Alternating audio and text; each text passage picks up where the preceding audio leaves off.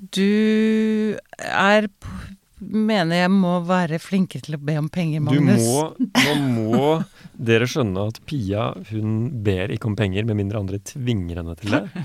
Så nå har jeg gjort det, og da er vi, det, da er vi der hvor eh, Hva er Vipps-nummeret ditt, Pia?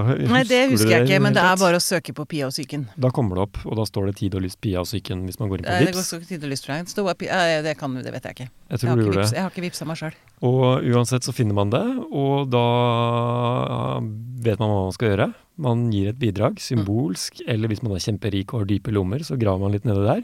Mm. Og så gir man til Pia og psyken fordi det trengs. Det er eh, ikke eh, et veldig sånt stort overskuddsforetagende. Her er, det et, eh, her er det noen som trenger pengene, og de går til en god sak. Til Ja. deg som lytter, så vet du det. Ja. Og så kan du si det til hvis du har en rik tante. Rik tante Kan du si det til hvis eh, du har det. Det er et lite stalltips fra meg. sånn, eh, med en sånn Hermes-veske. Du kan dra frem et uh, gullkort og ja. Veldig bra. Kjempebra. Ok, da skal vi over på dagens episode.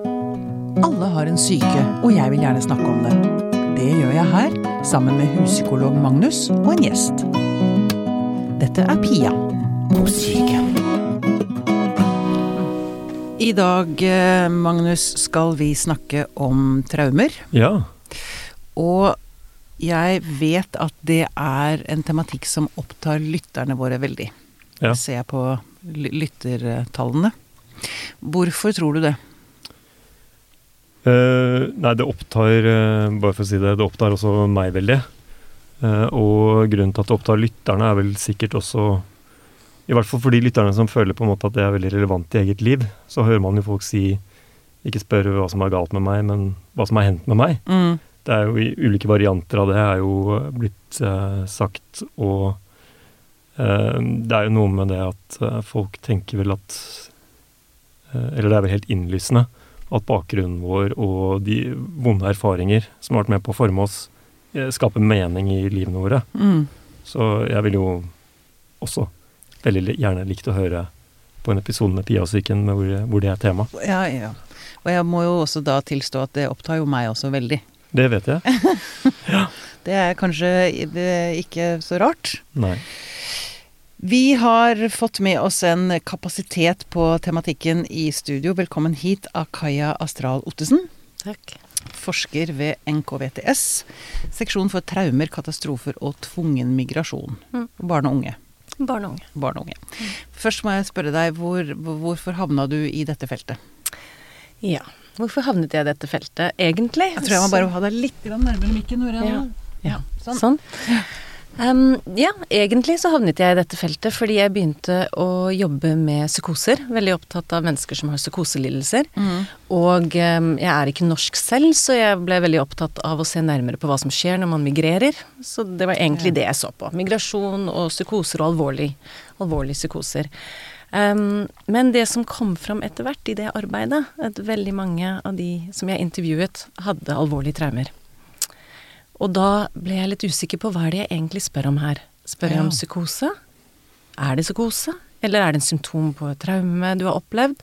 Dette visste jeg jo ikke, og så var det ikke så mye kunnskap om det. Mm. Så derfor begynte jeg å jobbe klinisk med traumer, for å bli mer kjent med hvordan det eh, viser seg i menneskets syke og i kropp. Ja. Og så har jeg fortsatt med det. ja. Men eh, hører jeg deg riktig da, når du eh, sier du da at psykose kan følge som Altså være en si, følgeskade av et traume? Ja. Eh, Jeg kan heller si, fordi at jeg er jo forsker, sånn at jeg kan ikke um, si noe så bastant egentlig, men det jeg kan si er at det, det å ha traumer i barndommen spesielt er en risiko Mm. for å utvikle de fleste psykiske lidelsene. Mm. Også psykose, også Mm. bipolar lidelse, depresjon, angst. Mm. Men i tillegg så kan det å ha en psykose gi traume. Ja. Ja. ja. Så, så dette henger sammen, ikke sånn det ene fører til den andre, men um, i alle mulige ledd. Mm. Så er det litt sånn sammensveiset, kanskje. Mm. Mm. Og så har jeg lyst til, og dette har vi i og for seg gjort tidligere også, men, men ehm, det kan aldri gjøres for ofte. Jeg, jeg mm, vi må snakke litt om hva et traume da er. Mm. Jeg for det har vi Jeg har sagt det. Altså, mange tenker at et traume er liksom en alvorlig ulykke, et dødsfall, eh, et overgrep. Men et traume er, kan være veldig, veldig mye mer enn det. Mm. Og det er jo hvordan vi velger å definere det. Mm. Og det er veldig interessant. Altså, traumelidelsene er jo det eneste psykiatrisk diagnose hvor vi har liksom en årsak. Vi sier at det har skjedd noe, og derfor har du disse symptomene. Mm. Eh, og eh, noen ganger er det veldig lett, for det blir sånn som du sier. Jeg gikk der i verden, og så plutselig skjedde det en overgrep, og alt er annerledes etterpå. Da er det en helt sånn åpenbar traume. Mm. Krig, sånne ting. Men så har man gjennom forskningen sett at for mange mennesker så er det også noe som kan vedvare over tid gjennom barndommen, at du opplever mange ting som overvelder din evne til å mestre. Mm. Mm. Eh, og så kan man definere det sånn, da. At jeg klarer ikke å mestre dette. Stresset blir så stor at jeg detter ut. Jeg er ikke til stede i egen kropp. Jeg klarer ikke å håndtere det som skjer, og derfor eh, handler jeg på en måte som er mer refleksivt enn reflektert. Ja, refleksivt. Ja. Ja. Mm. Men for, da har jeg lyst til å spørre deg, eller dere begge. Eh, dette forstår man jo ikke som barn. Altså, skjønner du hva jeg mener? Altså, jeg bare tenker på Jeg ser mine egne reaksjonsmønstre opp gjennom livet. Mm. Altså, det er noe med å, å forstå at man agerer refleksivt. Mm. Og det er ikke så lett. Det er ikke lett for barn, det er ikke lett for voksne. Nei, ikke sant, for man Nei. har vant seg til et mønster, vent seg til et mønster. Det er normalen, da. Det er akkurat det. Ja. Og så forstår man Jeg vet at jeg kan jeg har for, Det det gikk, gikk opp for meg på noen år, for noen år siden at oi, sånn som jeg har det Folk har det jo ikke sånn. Nettopp. Mm. Ja. Det er ikke normalen, liksom. Nei, det er ikke normalen. Og det er veldig vanskelig å forstå. Det er og det tar lang tid å observere det.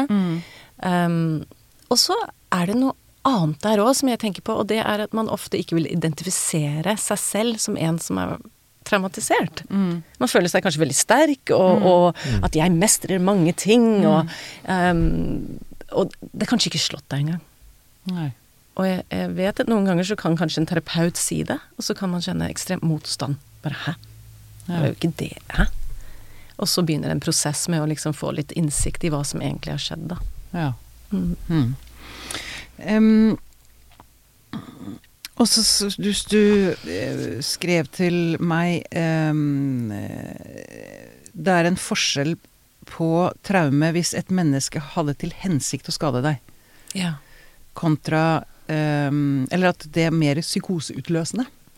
Ja, det er i hvert Ser det, ja. ser, ser det ut til? Ja, det ser sånn ut. Både i liksom store studier eh, blant den generelle befolkningen, og også hos de som har psykoselidelser, så er det det vi kaller for interpersonlig traume. Altså et annet menneske har hatt som til hensikt å skade deg. Eh, ofte kanskje nære relasjoner. Um, Og hva legger du i å ha det hensyn altså, ikke at man liksom Det er ikke noen som kommer og overfaller deg på gata med kniv, liksom? Det ikke jo, det Mm. også, så- men- egentlig. Men eh, det er noe annet enn trafikkulykker eller jordskjelv eller Ja, ja, ikke sant. Krig, ja. Men det kan også være foreldre eller søsken eller andre slektninger som mm, Man skiller mellom de som står deg nær og de som ikke står deg nær, for det blir en veldig annerledes opplevelse hvis man pleier å si at uh, beskytteren din er også bøddelen. Ja. At akkurat det gir en veldig spesiell reaksjon. ja. På hvilken måte? Hva, hva, er det som skjer? Kan du si noe mer om det, eller? ja, vi kan jo tenke oss hvordan det er da, hvis den som du skal søke trygghet hos, er også den som er farlig. Så kan det skape veldig mye ambivalens i, i hvor skal man søke hjelp, og man Ja. trenger støtte og hjelp som barn. Ja. Man trenger omsorg, man trenger å sitte på fanget til noen, Mm. men hvis den personen plutselig kan være farlig, så, så blir det å søke støtte hos en annen også farlig. Mm. Ja. Ja, ikke Og det er det veldig mange som kan oppleve som voksen. Og da når du sier farlig, så er det igjen det er sånn der, altså Farlig, da tenker jeg liksom sånn øksemorder. Ja. Men altså farlig kan også være Altså avvisende eller, eller Mm. håne deg. Krenkende, Eller ja. Eller, og det kan være subtilt. Mm. Har jeg rett i det? Ja, og så, og så tenker jeg at her er vi inne på et område som er ganske vanskelig. Så på NKVTS eksempel så har vi mye fokus på det som heter psykisk vold, men, men det er jo et litt nytt felt. Man har kanskje ikke kalt det det før. Mm. Man har bare kalt det foreldre, eller Eller, eller um, Life. eh, life, Life, ja. ja. Mm. Og, men det ikke for, å ikke for å tulle med deg, egentlig. Fordi at det er veldig alvorlig hvis du hver dag hører at du ikke er verdt noen ting, eller at du skal skamme deg, eller at du ikke får til ting. Eh, og så har vi i vårt samfunn, i vår kultur i dag, definert det som en form for traume. Ja. Og så har vi også det som vi vil kalle emosjonell neglekt, som, som er noe annet. Det er ikke sikkert noen har vært sånn spesielt ute etter deg, men det kan hende de ikke har gitt deg trøst. Mm. At uh, det ikke har vært plass til dine følelser som barn. At uh, du aldri hørte at noen elsket deg eller hadde behov for deg. Mm. Um, som også ser ut til å gi økt risiko for, for psyk psykiske vansker seinere i livet. Ja. Mm. ja. Em, er det sånn at eh, hvis man er traumatisert som barn, blitt traumatisert, eh, endres hjernen? Mm. Er, det, er det, det er snakk om det? At det er noen som driver og vil se på det, liksom? Mm. Det, er, det er noen som ser på det, som mener at um, det skjer noe i hjernens utvikling. uh, og det er noe spesielt som skjer hvis du er utsatt for et traume. Og så er det mange som mener at vi har ikke nok kunnskap til å egentlig påstå det. Og at kanskje de studiene har fått veldig mye oppmerksomhet. Men man kan jo egentlig heller si at alt som skjer med oss, endrer hjernen vår. Gjør det ikke det, Magnus? Det er litt vanskelig å komme utenom det. Ja. Ja. Ja. Og, ja. Det er jo flere av de diskusjonene vi har her, hatt her i Pia-syken nå. Mm. Jeg føler vi prøver å gjøre et sånn kunstig skille mellom det. Mm. Og, og skape motsetninger mellom biologi og psykologi, og, og at det, eller, eller finne sånne type svar. Det er 30 av ditt, og så, altså sånne ting som egentlig gir ingen mening hvis man snakker lenge nok om det. Mm. Så det er klart det at hjernen, enhver ting vi gjør, har et korrelat i hjernen. Ja. Drikke kaffe, Ja. liksom. Hvor mye kaffe jeg Men- drikker, og mer røyker, om altså, Men jeg tenker på, for å bringe tilbake til det med psyken. Mm. Uh, Så i noe av det som uh, Pia nevner her, så er det jo noe med dette her med de, de traumene som uh, gjøres av folk vi egentlig bør ha, ha tillit til. Eller folk som bør, vi bør søke trygghet hos, som blir en kilde til kanskje den verste ondskapen eller utryggheten Mm. også. Så er det eh, også sånn at du Det er noe ved den troen vi prøver å gi barn, da, ved å lese eh, de gode mytene, for, gi de de gode fortellingene om verden, eh, være konsistente personer overfor barna våre, som handler om å bygge opp en forventning hos barna av en, at verden er ganske stabil, ganske rettferdig, at den inneholder farer, men at vi kan kjempe mot disse. Mm. Og at hvis vi er snille og greie og, og, håndterer ting på en litt sånn forutsigbar måte i tråd med gode verdier, så vil det gå stort sett ganske godt. Eh, og det er på en måte en sånn tenkning om at verden er rettferdig. Uh, og så er det også et perspektiv på dette med traumer som kommer fra på den litt sånn ekle måten, som kan være med på å forgifte den forestillingen i ba et barns livsverden. Som vil gjøre at man på en måte føler at den, den tanken om den rettferdige verden også blir ødelagt. da. Ja. At traume kan rett og slett bare gjøre at man føler uh, Det er en, det er jo en måte å, å, å tegne et bilde av hvilken verden som kan, man kan oppstå etter Ja. den type alvorlige traumer. Mm. At man går i en verden som rett og slett er veldig uforutsigbar. Plutselig kan onde ting skje uten at det gir noen mening. Mm. Uh, og det tror jeg I hvert fall i mitt hode da, så uh, tenker jeg at det, det, det sikkert er en av forklaringene på hvorfor den der, noen av disse traumene gir en sånn vedvarende stressord som er vanskelig å roe. Ja, men da får jeg lyst til å si verden er ikke rettferdig, Nei, og nei, nei. det er fare rundt enhver sving. Og hvis du har opp, Hvis du er på en måte oppvokst i den tro, og, Mm. og, og, og klar for det, Mm. så funker det hvis verden fortsatt er urettferdig og det skjer farer hele tiden. Så funker det forsvaret. Du, du må være i beredskap. Ja. Men eh, det du snakker om er kanskje en verden hvor det er fred. Ja, eller jeg tenker på en mor som omsorgsgiver, også Ja. i krig. Ja. Der man sier jo det f.eks. at kvinnene er de Da jeg var i militæret, Ja. sa man at kvinnene er de viktigste i hele, i hele krigen. Uh, det er mennene som slåss, Mm. men når moralen rakner, eh, og det begynner å skje forferdelige handlinger, tortur og alt mulig sånne ting, Mm. så, så sa en soldat til meg eh, i Forsvaret da er det kvinnene som klarer å holde, eh, ha integritet og opprettholde moralen og omsorgen, som gjør at man på en måte føler at ting allikevel hold, henger sammen. Ja. Um, hans bilde på det, da. Ja. Mm. Og, og det tenker jeg, da, da er jo verden helt forferdelig. Men du har alli, eh, altså noe, noe knytter eh, viser deg at det er noe godt i verden allikevel. Hvis man da har eh, blitt utsatt for traumer som liten, hvordan slår det ut? Altså Vi har snakket om psykose. Hva slags andre diagnoser eh, kan man få? Hva, hva, hva, hva, hva vokser ut av traumer? Ja, og det er nesten uansett uh, diagnoser, så kan det være en traume i bunnen, egentlig. Ja. Det man ofte ser, er veldig kaotisk symptombilde. Mm. Uh, sånn at um, mange som har opplevd alvorlige traumer i barndommen, kan få mange diagnoser gjennom, uh, gjennom sitt møte med helsevesenet. Mm. Fordi at til forskjellige tider så er det forskjellige ting som viser seg. Kanskje en periode så spiser du ikke, og så er det et problem. Og så kanskje en mm. periode så er du veldig deprimert, mm. og kanskje en periode så kommer det fram dette at du har PTSD sted, og så jobber man med det. Ja.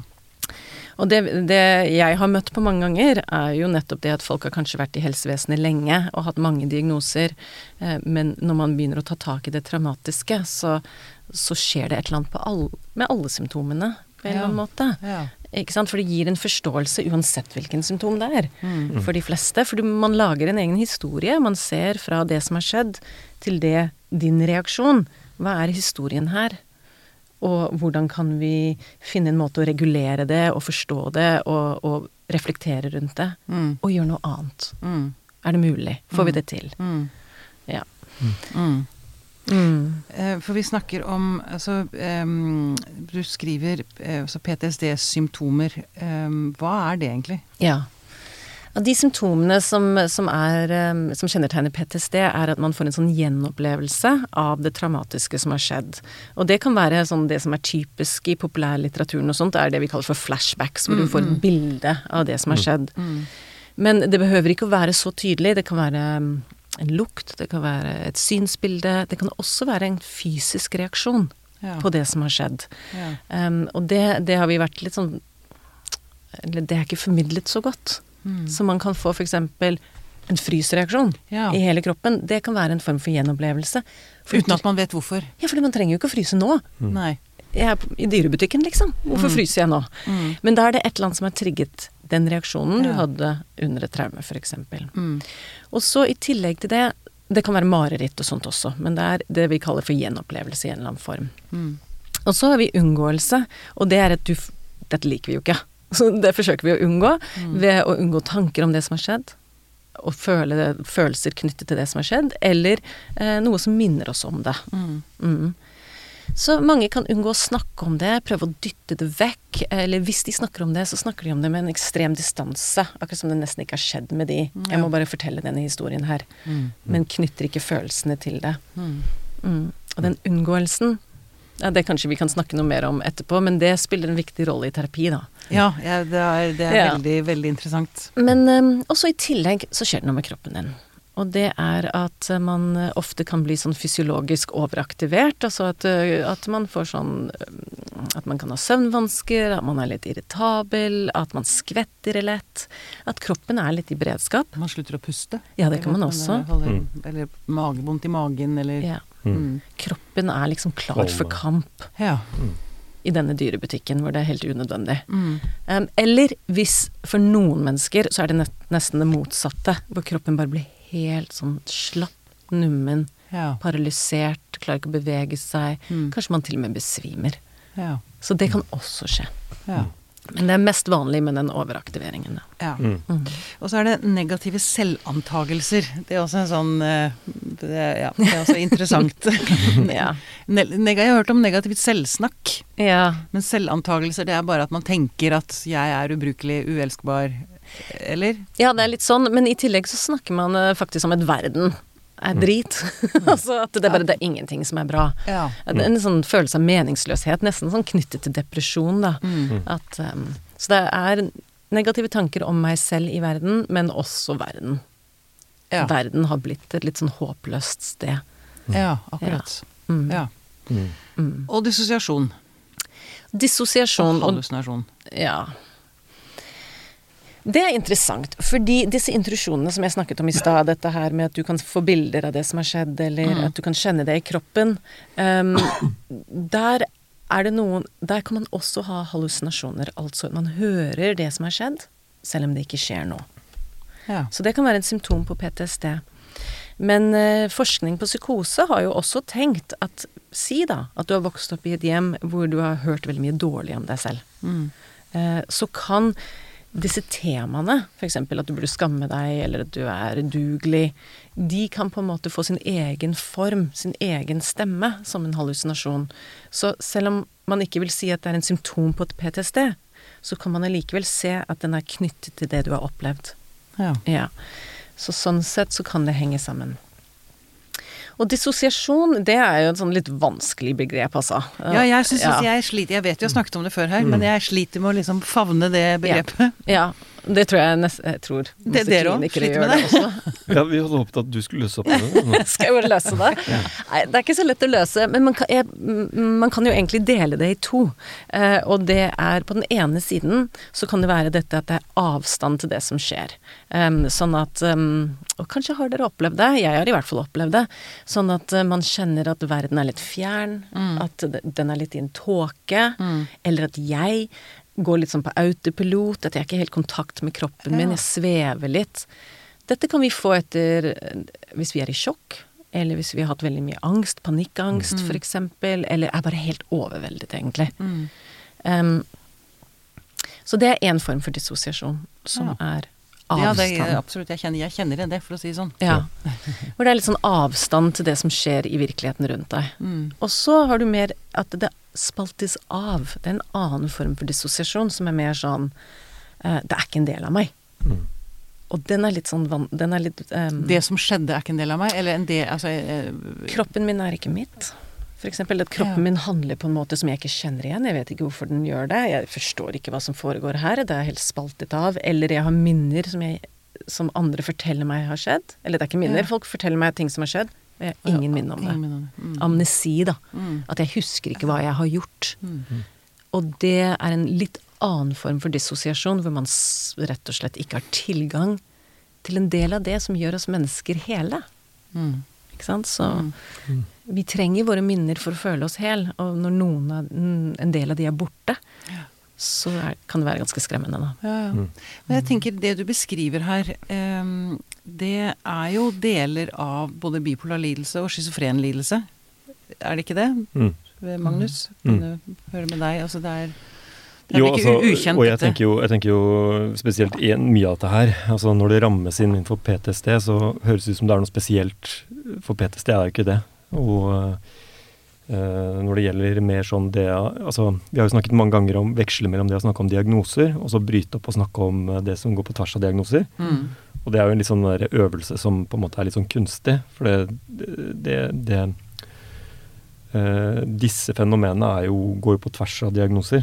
Spesielt kanskje det med, som handler om uh, unngåelse. Uh, man ser f.eks. at på tvers av alle diagnoser så er jo eh, graden av barndomstraumer trenger ikke å være PTSD-aktige traumer, men det at du rapporterer at du har hatt eh, denne typen opplevelser i barndom over det som er vanlig, eller Mm, mm. over det som er vanlig i den generelle befolkningen. Graden av det er forbundet med uro og vansker med å regulere følelser, Mm. og må tas på alvor uavhengig av hvilken diagnose du har. Mm. Og det ser også Med bipolar lidelse så ser man det at det, eh, noen med bipolar eh, lidelse de opplever at de mellom episodene er veldig fri for symptomer, eh, og at de har veldig ren respons på f.eks. medisiner som hjelper og, og regulerer tilstanden veldig eh, bra. Mm. Så har vi en stor bolk av pasienter som antagelig har bipolar lidelse, men også en ganske stor belastning av traumatiske barndomserfaringer og Ja. eh, et svingende følelsesliv. Mye angst. Angst er jo et kjempesymptom med bipolar lidelse Mm. som ikke er, ikke er en del av diagnosen, men som man ser er vanlig. Og det ser man også er knyttet til eh, barndomstraumer. Ja. Eh, Så, så det, er sånn, det er litt sånn hvis man skulle snakke om somatisk helse, så har man f.eks. mange forskjellige diagnoser der, og om det er noen ting som ikke er bra for helsa di uansett hva du har, og som Mm. preger hvordan du, hvordan du har det uavhengig av hvilken diagnose du har. Mm. Så det, jeg tenker, jeg vet ikke hva med deg, eh, hva med deg men eh, at uh, traumer er jo på en måte en veldig bred faktor som treffer, Mm. uh, uavhengig av uh, hva vi kaller det. Ja, jeg er jo veldig opptatt av disse dimensjonene mellom diagnosene. Mm. Og så at, disse, at det er masse overlapp, og så gjør vi så godt vi kan med å Mm. prøve å, å um, finne noen kategorier som henger sammen. Ja. Men vi er bare på vei et sted. Ja, for dette, ikke sant? Vi, har, altså dette med, vi har masse diagnoser, så vi Mm. vil liksom gjerne ha folk inn i båsene. Men så, så, altså, jo flere episoder jeg lager, jo mer jeg snakker om dette, jo mer tenker jeg, vet du hva. Ja. Det handler om et menneske som har det jævlig vondt. Ja. Til syvende og sist så er det der vi er. Det er der vi er, og at vi- trenger å møte det mennesket der de er. Ja. Og diagnoser har kanskje vært til veldig stor hjelp på mange områder, kanskje i forhold til forskning og medisiner, Medisiner og og, og, mm. lage terapiformer.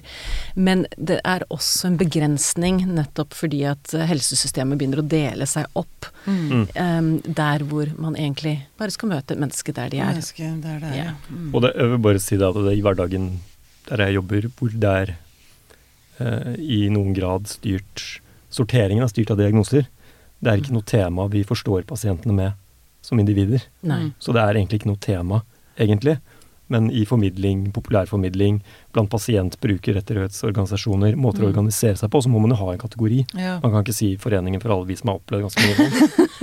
Eh, altså, og, og i tillegg så er det, som f.eks. ved bipolar lidelse, så er det en gjenganger at når vi, vi, vi treffer der hvor jeg er, bare de som får diagnosen første gang. Mm. De som får den sent, så er det mange som kommer og som har snakket om at de har hatt det veldig vanskelig over mange mange år.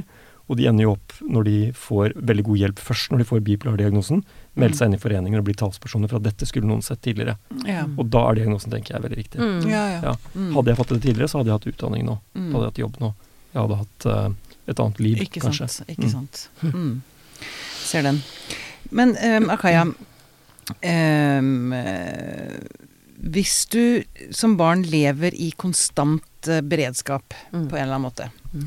altså hva, hva, hvordan, hva skjer med barnet? Kan du forklare, fortelle Jeg tenker at det sitter nok en del der ute som lytter, og som har vært i en sånn situasjon. Jeg bare har så lyst til at du skal se dem ordentlig. Ja. Altså, Og meg. Og deg. Vet du hva, jeg syns nesten egentlig så er det lettere å gjøre en øvelse enn å forklare Ja. eh, hva det vil si å være i konstant beredskap. Og det jeg pleier å be folk gjøre, er å late som de skal skyte pil og bue. Okay. Ja, Og gjøre det på ordentlig. Ikke bare litt. Ikke bare sånn sitte litt og Mm. sitte, men virkelig kjenne etter at du skal skyte pil og bue. Mm. Og du skal treffe et eller annet. Mm. Og hva skjer da? Du blir jo ekstremt fokusert Mm. på det du skal treffe. Mm. Du ser nesten ikke noe annet. Nei. Kroppen er i høyspenn, og noen områder mer enn andre. Mm. Virkelig spenninger. Og så skal du stå sånn så ti minutter, da. Ja. Altså, vi, vi klarer det kanskje i tre. Hvis du hadde stått i ti, så hadde du vært helt utmattet. Mm. Og er du et barn som lever i fare, så er du kanskje litt sånn hele tiden. Ja. Ikke sant? Du har innsnevret oppmerksomhet mot det som er farlig, kanskje. Mm. Og så er kroppen i spenningstilstand. Fordi spenning er Egentlig så er det bare før bevegelse. Det er det vi gjør rett før vi beveger oss. Ja. Du skal være klar. ja. Og derfor er det veldig mange som har opplevd traumer som har så mye smerter i kropp. Mm. Mm. Og det har de søkt behandling for mange ganger. Og mange av de behandlingsformene som hjelper, er kroppsorientert. Mm. Vi har sånne behandlingsformer hvor de rister av seg spenninger, eller hvor man jobber gjennom kropp. Mm. Kroppsorientert psykoterapi. Mm. Mm. Eh, og mange av minnene sitter i kropp. Ja. Sånn at når du begynner å jobbe med kropp, så jeg så sitter ikke alt i kroppen? Jo. På en jo. eller annen måte? Ja. Altså, Ja. Jo, men altså Det er jo samme system. Det er jo, vi er jo en, en, en enhet. Mm. Altså, ja. Noen mener at Jo, jo, men du har helt rett. Og noen mener, og det, det tenker jeg også stemmer, at man kan se det på um, hvordan man står, hvordan man sitter. Mm. Ja. Alt mulig med kroppsfasongen også viser veldig mye hva du har vært utsatt for. Ja. ja. Og hvordan du har taklet det. Akkurat. Nettopp. Hva, det må du fortelle litt mer om. Har du noen eksempler på Ja, for eksempel et menneske som, som sitter og skuldrene er litt sånn lavt, at de henger litt sånn i brystkassa, henger nedover, Mm. men ansiktet er rett opp. Da kan du jo se for deg, hvis dette, denne personen var et barn, da, Mm. så kan du se for deg hvordan de er blitt undertrykt, men de har prøvd å, slåss Å, ja. tilbake. Ikke sant? Og da kan du Ah, se det. akkurat. Dette er et menneske som er blitt undertrykt, men som virkelig har forsøkt å slåss tilbake, Ja. med ord sannsynligvis, og ikke i kropp. Fordi det er her For oppe. det er, det er ansiktet, Det det er er, munnen som har, er i, i akt... Ja, akkurat. For eksempel. Eller du kan ha et menneske som har veldig sånn bare brystkasse opp og ansiktet opp og bare 'kom igjen'. Ja. Jeg tåler hva som helst, men så er de kanskje veldig sånn svak i beina. Egentlig tåler de ikke så mye. Ja, så det, det er mange måter man kan se det, og det, er- ja.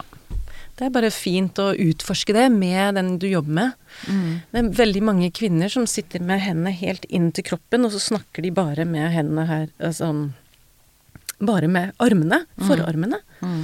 Som jeg også syns er interessant. Fordi det er akkurat som de ikke kan De kan ikke dytte noen vekk. De mener en hel masse, men de, de kan ikke bruke kraften som er i armene. Som er i armene, akkurat. Så sånne ting Veldig interessant. ja, Mm. kan man se på og jobbe med og utforske. Men er det jeg, tenker, jeg vet ikke, jeg har jo vært en del i terapi. Det er jo ikke nødvendigvis veldig mange psykologer som jobber sånn. Som tenker på det. Altså det er jo veldig mye at man skal liksom snakke og gråte og Mm. Det er ikke så mange som ser på kroppen. Nei, men eh, når jeg har jobbet med traumer, og da jobbet jeg på Modum Bad, på traumepoliklinikken her i Oslo, og da, da fikk jeg spesialisering i Ja. nettopp sansomotorisk psykoterapi, som det heter, eller Ja. kroppsorientert psykoterapi, Mm. Eh, som, som endret eh, livet mitt. Ja. Ja, for det endrer jo forståelsen av meg selv, ja. Mm. og også hvordan jeg møter eh, Ja. de jeg jobber med, da. Vet, det, det, det er jo veldig mye informasjon, viktig informasjon, å lese av kroppen. Mm. Og pusten, og hvordan man snakker, og ikke sant? Det er så mye informasjon som man kan hente. Jeg tenker at det er så viktig Mm. Ja. at terapeuter har den forståelsen, da. Og det du sa i stad, slutter å puste. Ja. Ikke sant? Og det er det jo veldig mange som gjør i terapi også. De bare slutter å puste. Ja. Mm. Men du, det er helt utrolig hvor mye man kan si uten at man egentlig puster. ja. bare helt her, og så bare snakker man, snakker, snakker. Og Ja. det er jo masse informasjon. Mm. Masse informasjon. er, det var akkurat dette med pusten kjenner jeg så veldig godt selv. Ja. Jeg, jeg, jeg tar meg i det så ofte at jeg, at jeg bare at det, det er som om jeg, det, er, det er ikke bevegelse her. Men jeg, jeg får gi meg pust, for ellers hadde jeg jo ikke vært her. Men, Ja. men jeg gjør det der sånn Jeg puster litt sånn forsiktig under hånden. Mm. På en eller annen måte. Jeg puster litt. Det er ikke det, Jeg vet at pusten ikke går ned. Ja. Mm. Og det er jo en form for beredskap, blant annet. Ja. Ikke sant? Eller en stressreaksjon. Og, ja, så alle kan jo oppleve det når man har mye stress. Og hva er stress? Jo, det er jo at du er overveldet, da. Ja. Så, men bare Spent. nevner du videre den der kroppen i terapi, for det svigerfaren min er karakteranalytiker. Så jeg blir, får vel kjeft hvis ikke jeg nevner det, at vi har noe som heter karak Karakteranalytisk institutt i Norge. Mm. Som er jo da veldig opptatt av hvordan psykisk lidelse manifesterer seg gjennom kroppen, da. Mm.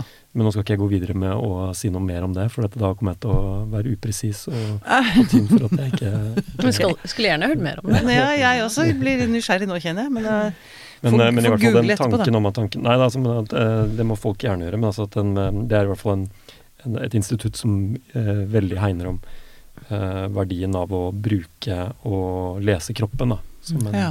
måte å forstå vanskene på. Ja. Mm. Og jeg vet jo også at ISTDP i hvert fall Ja. er jo en retning som også er opptatt av å, å lese Absolutt. Og så se på hva, hva skjer med kroppen din nå. Hva har kroppen din lyst til å gjøre? Bredden av uh, moderne emosjonsfokuserte terapier er jo veldig opptatt av uh, følelser som nok et kroppslig fenomen, Mm. og har ulike måter å prøve å uh, orientere oss mot kroppen på, Mm. som jeg tenker er veldig overlappende og, Mm. og, og veldig nyttig. Mm. Mm. Så det er, ja. Um, eh, men jeg må si litt tilbake til dette med, med beredskapen. Altså mm, man, Hvis man lever i beredskap hele tiden For jeg regner med at dette også forplanter seg for et barn. Altså Hvis det er, barnet lever i beredskap hjemme, så går barnet ut i verden med den samme beredskapen. Mm. Eller Ja, og det er interessant, fordi at det er der vi kanskje kommer inn på dette med dissosiasjon igjen. Fordi kanskje noen barn gjør det. mm, De har det med seg hele tiden, og, der, og da når de går ut i verden, så har de kanskje, er de irritabel, kanskje ypper de til bråk, kanskje er det alltid bråk rundt det barnet. Eller at det trekker seg helt tilbake. Eller trekker seg helt tilbake. Men så har du kanskje det barnet som nettopp må spalte av mellom si at det er farlig hjemme, da. mm, Så når de går ut, så er det akkurat som om hjemmet ikke eksisterer engang. Å ja. Man klarer å Ute er en annen. Ja. Og da gjør jeg sånn og sånn og sånn. ja. Eh, og det er fordi mennesker er veldig flinke til å tilpasse seg, da. Så det blir veldig slitsomt å være i sånn spenningstilstand hele tiden. Noen er det, noen er det ikke, fordi de klarer å spalte av og, og være rolig i noen omgivelser, og så ha spenningene når de trenger det. Mm. Mm. Og det kan man se på som egentlig en fantastisk forsvar når du lever i farer, men som blir veldig vanskelig seinere i livet. Mm. Ja. Og det er jo det det handler om her, egentlig. Er at uh, man kanskje utvikler noen forsvar i et hjem som fungerer godt der, men som du ikke trenger når du er voksen.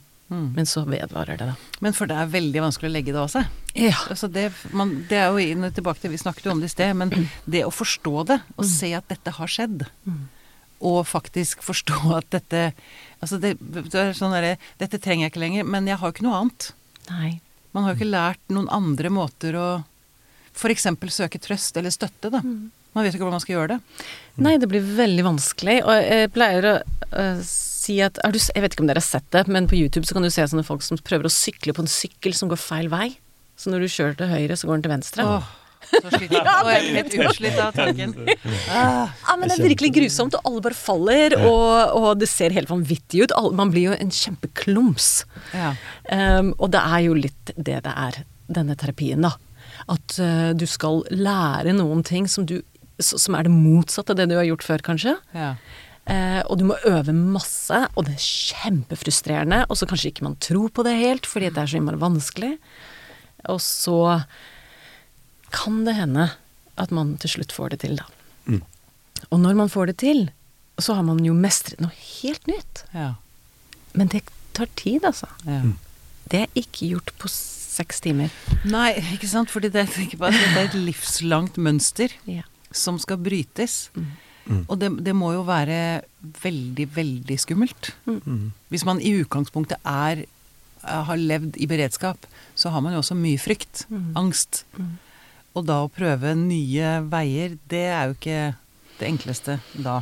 Nei, først skal du jo tro på at verden ikke er farlig. Mm. Ikke sant? Noen må jo overbevise meg om det. Mm. Og det er ganske vanskelig, fordi det, verden kan jo alltid være farlig. Ja, ja. Ja. Og så skal du prøve å håndtere eh, de situasjonene på en ny måte. Mm. Um, og så må du slippe noe som har vært en følgesvenn. ja. Ja. Ja. Mm. Uh, nettopp. Man må Ikke sant. Og det er jo Mm. utrygt. Det er utrygt. Mm. Det, og vi kan kalle det et symptom, men noen ganger så er Så selv om angsten er et symptom, så kan det hende man må slippe det som man opplever som en del av sin personlighet, Mm. for å bli bedre. Ja. Og det er noe annet enn angst. Man har bare lyst til at angsten skal bli borte, men at jeg består. ja. Men akkurat for det er akkurat som jeget. En del av jeget blir tatt vekk. Ja. Jeg tror det, for mange. Mm. Um, jeg kjenner det igjen selv, og, og i terapi, at, eh, og der ligger det masse motstand. Mm. Ja, selvfølgelig. Selvfølgelig. Jeg, jeg kan kjenne på noe av den motstanden også som Det er veldig stimulerende å høre på Akaya snakke nå, for det En annen motstand er også dette her ved at man har eh, handlet på en måte veldig lenge, og så skal man kjøpe, kjøpe en eh, annen måte å forstå verden på. Man har ganske mye investert i den etablerte måten man har levd på. Mm. Så at eh, selv om man ser at man bør forstå seg selv annerledes, selv om, man, eh, selv om det er opplest og vedtatt at det man, det man ser på er at man har en veldig negativ selvforståelse, altså en eller annen veldig destruktivt mønster, Mm. at det føles veldig bittert å gi slipp på det. Altså er at det er en eller annen Og rett under der så opplever jo veldig mange at det er en veldig stor sorg å ta inn over seg det at man faktisk Dette har jeg faktisk sløst bort mange år av livet mitt på. Mm. Uh, og der, uh, i det der spennet der er det så mange som opplever mye smerte da. Ja. Det kan jeg forstå. Mm. Ja. Så at det, og det kan man kjenne selv som terapeut også, når man ser det. At uh, de ikke vil gi slipp på det. Og det er en så forferdelig grunn til det også. Mm. Så for det, ja. Mm. Det er, jeg har hørt også at mennesket heller vil Det er viktigere for mennesket å ha rett enn å ha det bra. Mm. Mm. Ja. Men, altså, og det, det, dette med at man har investert så mye og trodd på Mm. noe så lenge at man skal gi slipp på det. Altså, jeg tok feil, eller altså, ja, man tar jo ikke feil altså, Ja. Mm. Det er, eh, må være Eller det kan jeg også kjenne igjen. Det var fryktelig vanskelig og Mm. smertefullt. Mm. Ja, og kanskje ikke egentlig at man tar feil heller, men kanskje noe sånn som eh, jeg prøvde å skrive noen ting om. At Mm. dette At kanskje en måte å overleve når ting er veldig vanskelig, er å undertrykke det, er Mm, ja. å tulle med det. Undertrykkelse. Hvor det her kommer vi inn på Dette Ja. er veldig interessant. Du skriver om bipolaritet, f.eks.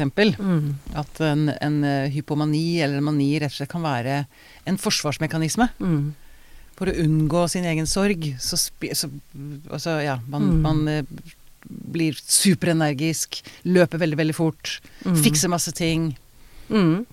For, og det er rett og slett en flukt fra Men det vet man ikke. Nei. Det er det. Man vet ikke at det er en flukt. Og, og jeg, jeg kjenner at det er, dette her er litt sånn interessant å snakke om, fordi det er ikke alle som deler den tankegangen. Men i psykodynamisk teori så gjør man det, da. At uh, dette med uh, det hypomane, da, dette med å kontinuerlig være i bevegelse, knytte masse kontakter, alt det du sier, ikke sant, eh, gjør at man um, unngår sorg i veldig stor grad, eller noe annet som, eh, som er vanskelig. Eller at man tuller med alt som er vanskelig. At man, altså dette med eh, svart humor, da, som er gøy. Folk liker det jo, det er jo gøy. Men når du kontinuerlig gjør det på vegne av deg selv, alt som har skjedd med deg, kan du tulle med. Mm. Det kan kjennes ut, og er for mange en del av deres personlighet. Mm. Det er en måte å være i verden på, Mm. så man får masse um, Hva skal jeg si Masse gode responser på. Ja, man får mye kred. Ja, folk liker det. Mm. Folk liker Folk det. liker det, ja, ja. Folk liker det. Og man blir likt når man gjør det sånn. Ja. Mm. Og når man da kanskje begynner å forstå at dette gjør jeg for å unngå angsten, og for å komme gjennom angsten, så må jeg kanskje slippe det. Det kan være vanskelig. Ja.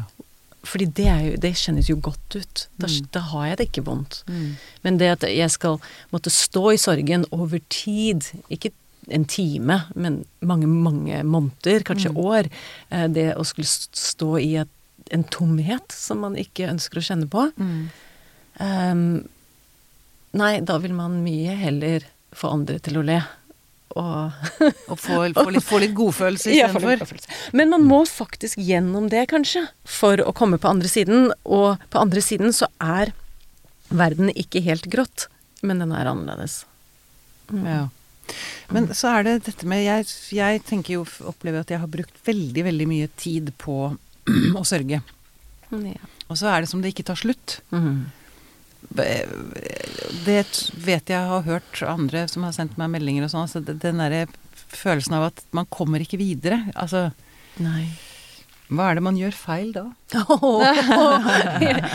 Nei, jeg tror ikke man gjør noe feil. Det er det første jeg ville si. Um, og kanskje er det en følgesvenn gjennom livet. Og, men der kommer vi til en sånn annen teori, det er sånn acceptance and commitment therapy. Og de er jo opptatt av en sånn radikal aksept, som er eh, ja, fullstendig aksept for det tapet man har hatt, eller Ja. hva det egentlig har betydd. Og vi sørger, men så går vi tilbake. Veldig mange ganger. ikke sant? Vi sørger, så, men så trekker vi oss tilbake. tilbake. Eh, og kanskje en dag så går det an å sørge, og så istedenfor å gå tilbake til gamle mønstre, så går man gjennom også til andre siden. Men Ja. Men så er det vel kanskje også altså, Jeg tenker også altså, Ren sorg er nå én ting å stå i, men den er jo ofte blanda inn med kanskje mye skam. Eh, og annen unnvikelse. Altså ting man kanskje ikke tør å føle på. Kanskje det er raseri der. Kanskje det er At det, er litt sånn komplekse følelser, da. Som gjør at det blir forvirrende. At det, altså, man går, går bare i ring. Ja.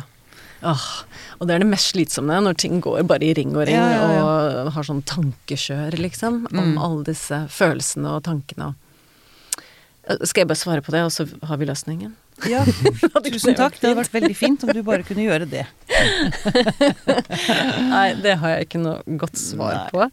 Men det er en del av Men jeg får lyst til å høre dere to snakke litt om det, rundt Ja. Ja, men det komplekse følelser er vel nesten uten unntak eh, tema når ting blir ordentlig vanskelig. Mm.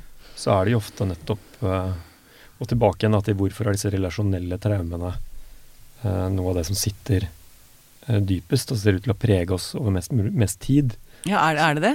Det ja, altså det som, det som hun innleder med å si her noe om, er jo noe med at det er jo de traumene som er påført deg av folk du har kanskje grunn til å ha tillit til, Mm. En annen type relasjon til. Det er der hvor vanskene blir kanskje mer komplekse, da. Mm. Og, og at følelsene følelseslivet.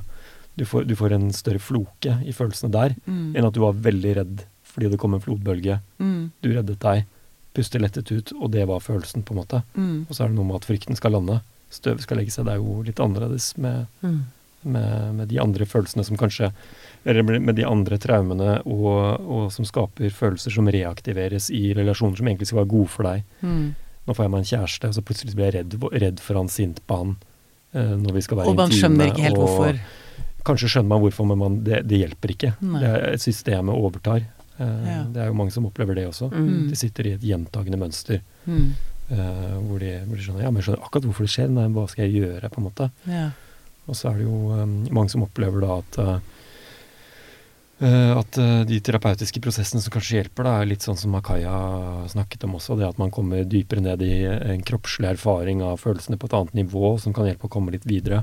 Eh, jeg, tror ikke på alt, tror ikke på noe veldig sånn quick fix da, i noen av disse altså det er, eh, det Nei, er, det, det har vi vel etablert en gang for alle. Ja. det, det, vi har ingen klare svar, og det finnes ikke quick Nei. fix. Og det er derfor vi sitter og snakker i Pia og psyken. Ikke sant? Ja. det er derfor vi aldri blir Det er aldri tom for tema. Men ja, og da tenker jeg akkurat det du snakker om nå, er hvordan traumene blir litt mer sånn integrert i din identitet på en eller annen måte, og kanskje i din tilknytning til andre mennesker. Um, men jeg begynte å tenke på dette med trøst, som du også var inne på. Ikke sant? Hvordan jobber vi med dette terapeutisk? Og, og en del av det er du vet at jeg får denne refleksen i nye relasjoner, og det skaper problemer for meg. Men kan man trøste seg selv, eller søker man trøst hos andre? Og jeg syns det er veldig vanskelig for mennesker å trøste seg selv. Ja. Kanskje har man ikke lært det, kanskje tenker man man ikke fortjener det. Og det kan man øve på. Ja, få høre hvordan. Nei, det handler jo faktisk om bare å trøste seg selv. At det er jo sannelig ikke rart at dette har skjedd. Det er ikke rart at jeg gjør det på denne måten. Eh, og em, i den kroppsorienterte terapien så, så har man en sånn fy... Man tar på seg selv fysisk. Ja. Og trøster seg selv og sier det går bra. Mm. Jeg gjør så godt jeg kan, og dette er ikke rart. Eh, men jeg vil noe annet. Mm. Og i det så, så, så um, blir man en voksen som trøster barnet i seg. I seg selv, ja. Ja. Mm. Som ikke fikk det. Mm. Og det er heller ikke noe quick fix, men gjør man det kanskje nok ganger, så blir det etablert som å Du lærer å sykle, da. Mm. Men også det å ta imot trøst, sånn at um, mange kan, hvis andre prøver å trøste de, så dytter de det vekk. Slutt. Ikke så synd på meg, eller Ikke sant? Men å ikke handle det Du behøver ikke å tro det. Så sier Magnus 'trøste meg', så kan jeg kjenne inni meg masse motstand og bare 'Å, slutt'. Men jeg bare står der og sier takk. Mm. Takk. Øve på det, rett og slett. Øve på det. Mm. Kanskje litt felles for det vi snakker om nå også, er jo egentlig metoder for å eh, bli værende i følelsen på, og, og lytte innover, og klare å stå i den følelsesmessige opplevelsen. Mm. For mange opplever jo det at de Ja, men dette har jeg vært igjennom så mange ganger, men det de har vært igjennom, har kanskje vært Ja, jeg vet hvorfor det blir sånn. Og- Man har vært gjennom det kognitivt, liksom. Ja, og, og man har kanskje vært gjennom det Tror man har vært gjennom det følelsesmessig, men det man har opplevd, har egentlig bare vært selv, selvdevaluerende tankesett og føle seg dårlig, føle seg feil. Eh, en type skam Mm. som egentlig på en måte ikke er den egentlige eh, Kanskje den underliggende Grunnfølelsen. Ja. Mm. Så eh, med ISTDP, emosjonsfokusert terapi, alle disse har jo sine metoder for å prøve å hjelpe oss til å ikke devaluere den egentlige følelsesreaksjon, følelsesmessige reaksjonen. Og ikke unngå den, bagatellisere den, snakke om den på en distansert måte. Mm. Vende blikket vekk. Mm. Um, ja, unngå den, da. Mm. Mm. Men har dere noen tips også hvis Altså, um, å- altså trøste seg selv er én ting, men, men å hjelpe seg selv til å faktisk føle de følelsene man føler? er, det noe, er det noen, har dere noen råd for det? Hvordan, altså, man kan, altså jeg, det er jo sånn åpenbare unngåelsesstrategier man kan bruke. Altså at man eh, setter på en TV-serie Mm. istedenfor å ha det vondt. Mm. Um, men altså, set, sett, setter man seg bare ned og bare er i følelsen? Er det det dere sier? Nei, ikke det. Nei. Eller, jeg, eller hvis jeg Jeg tenker man må holde seg fast. Man må holde seg fast. Man må holde seg fast. Og, og det Fysisk? Kan, fysisk. Ja. Det kan man gjøre. Holde, eh, lamp, altså holde seg fast i en lampe på gata. eller eh, at man sitter i en stol, og at man dytter armene mot armlenene. Ja. Altså at man Eller at man holder seg fast i noe. Ja. Veldig ofte så holder vi oss fast i noen, og det skaper en del problemer. Ja. Fordi den noen vil jo bli borte. Ja. Alltid, i en eller annen form. Ja. Um, så det er én måte å tenke om det, og som man kan øve litt på. Holde seg fast som en bølge. At man lar det bølge gjennom deg. ja. Fordi følelsen vil bølge gjennom deg, og det vil komme ut på andre siden. Men noen ganger så varer det veldig lenge. Ikke sant? Um, så det er én måte å tenke om det. Og så er det forskjellige former for unngåelse. Du kan, være, du kan distrahere deg selv litt mer bevisst. Ikke sant? Man har unngåelse som er veldig destruktivt, som å drikke eller gjøre Ruse seg, eller ja. eh, selvskading, Skrike eller eller hyle, eller hva man nå gjør. Men så kan man kanskje bestemme seg for en form for unngåelse som er mindre skadelig, og akseptere det. Ok, nå skal jeg sitte på telefonen og spille Candy Crush i to timer eh, uten å få dårlig samvittighet. Ja. For nå må jeg bare Jeg, må, man, jeg trenger pause. jeg trenger bare en sånn pause fra noe. Jeg må være Ikke sant. Jeg, jeg trenger pause fra denne følelsen, men jeg skal ikke gjøre noe skadelig, og jeg skal akseptere at jeg trenger den pausen. Mm. Mm. Men, Men- holde seg fast, det har jeg aldri hørt før. Det var eh, Mm. Ja, holde seg fast. en Du har laget mange episoder uten å ha noe mindfulness her. Oi. Ja. Det er jo også en sånn type Mm. tenkning som handler om å finne Det, det handler ikke om å gå dypt inn i følelsen din direkte, men her skulle vi hatt en ekspert uh, på det Mm, senere, eller en senere gang. Men, mm.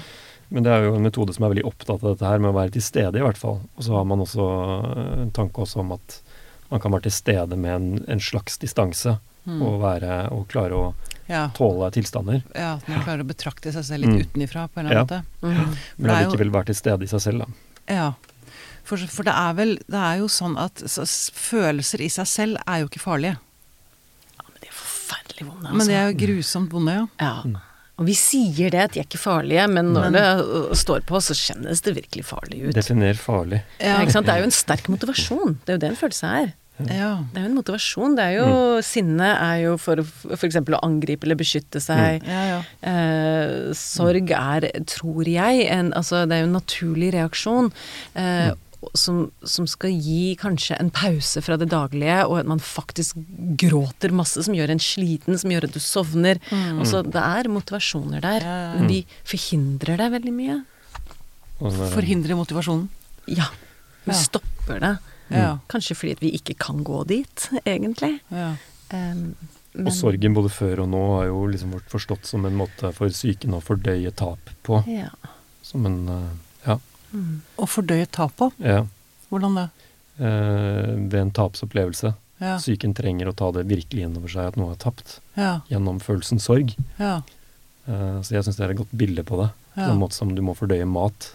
Ja. Så må du fordøye en en en-. En stor tapsopplevelse. Ja. Er et på en, D1-type sorg, da. Men eh, Men det, det er egentlig en fin måte å se på det på, for det er en aktiv eh, altså, det, det, da- Da kan man se på det som en sånn Ja, dette må bare skje. Altså, det er rett og slett bare altså, Dette er ikke endestasjonen, dette er en, en prosess. Men herfra og videre så må du og psyken din og hele deg skjønne at verden er annerledes nå enn den var. Mm. Ja. Noe er tapt, ja noe er borte. tapt. Mm. Det må du virkelig vie oppmerksomhet til Ja. før du går videre. Ja.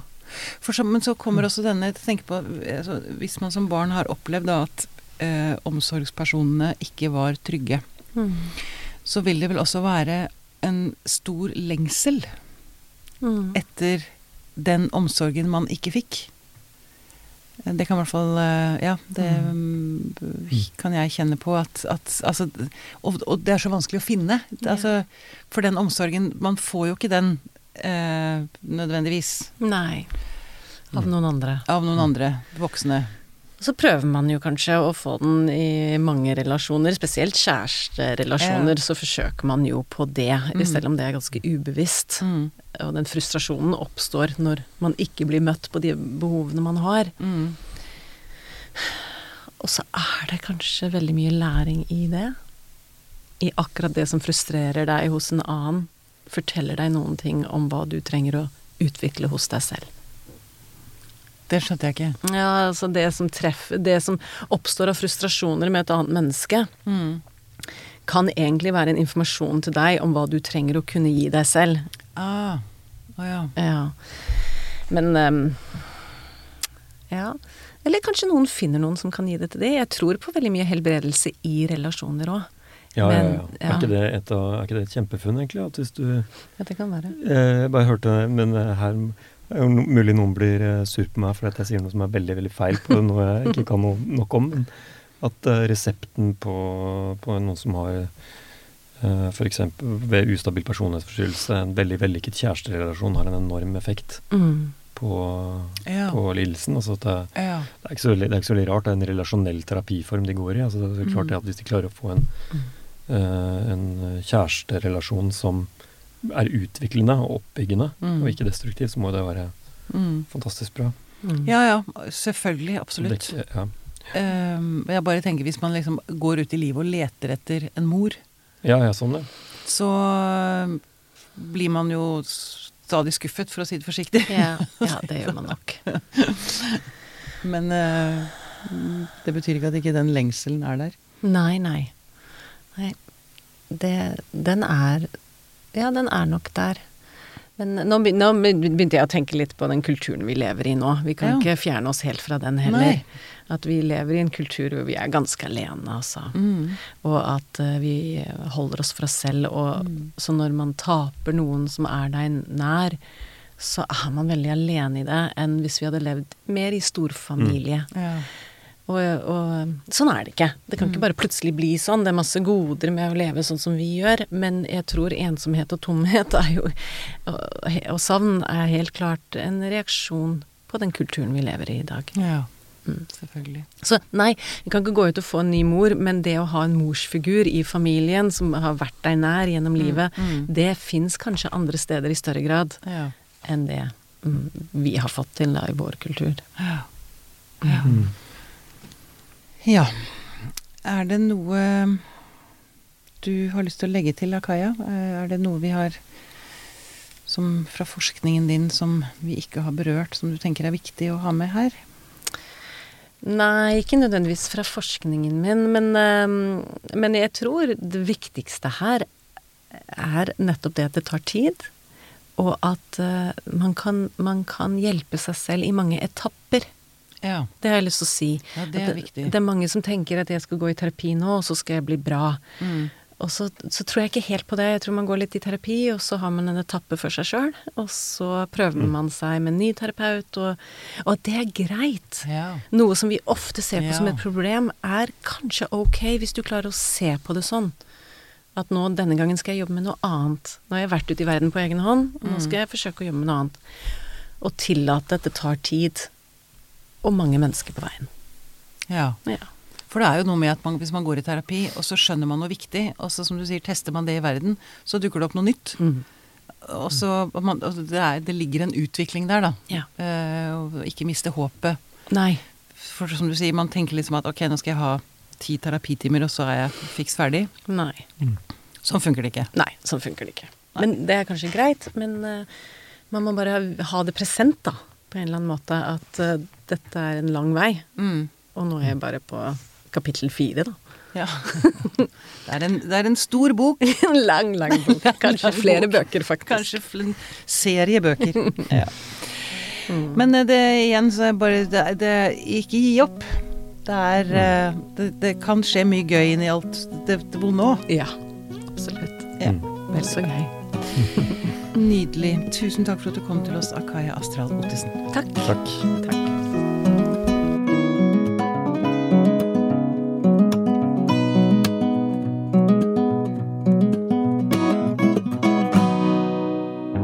Denne podkasten er produsert av Tid og lyst.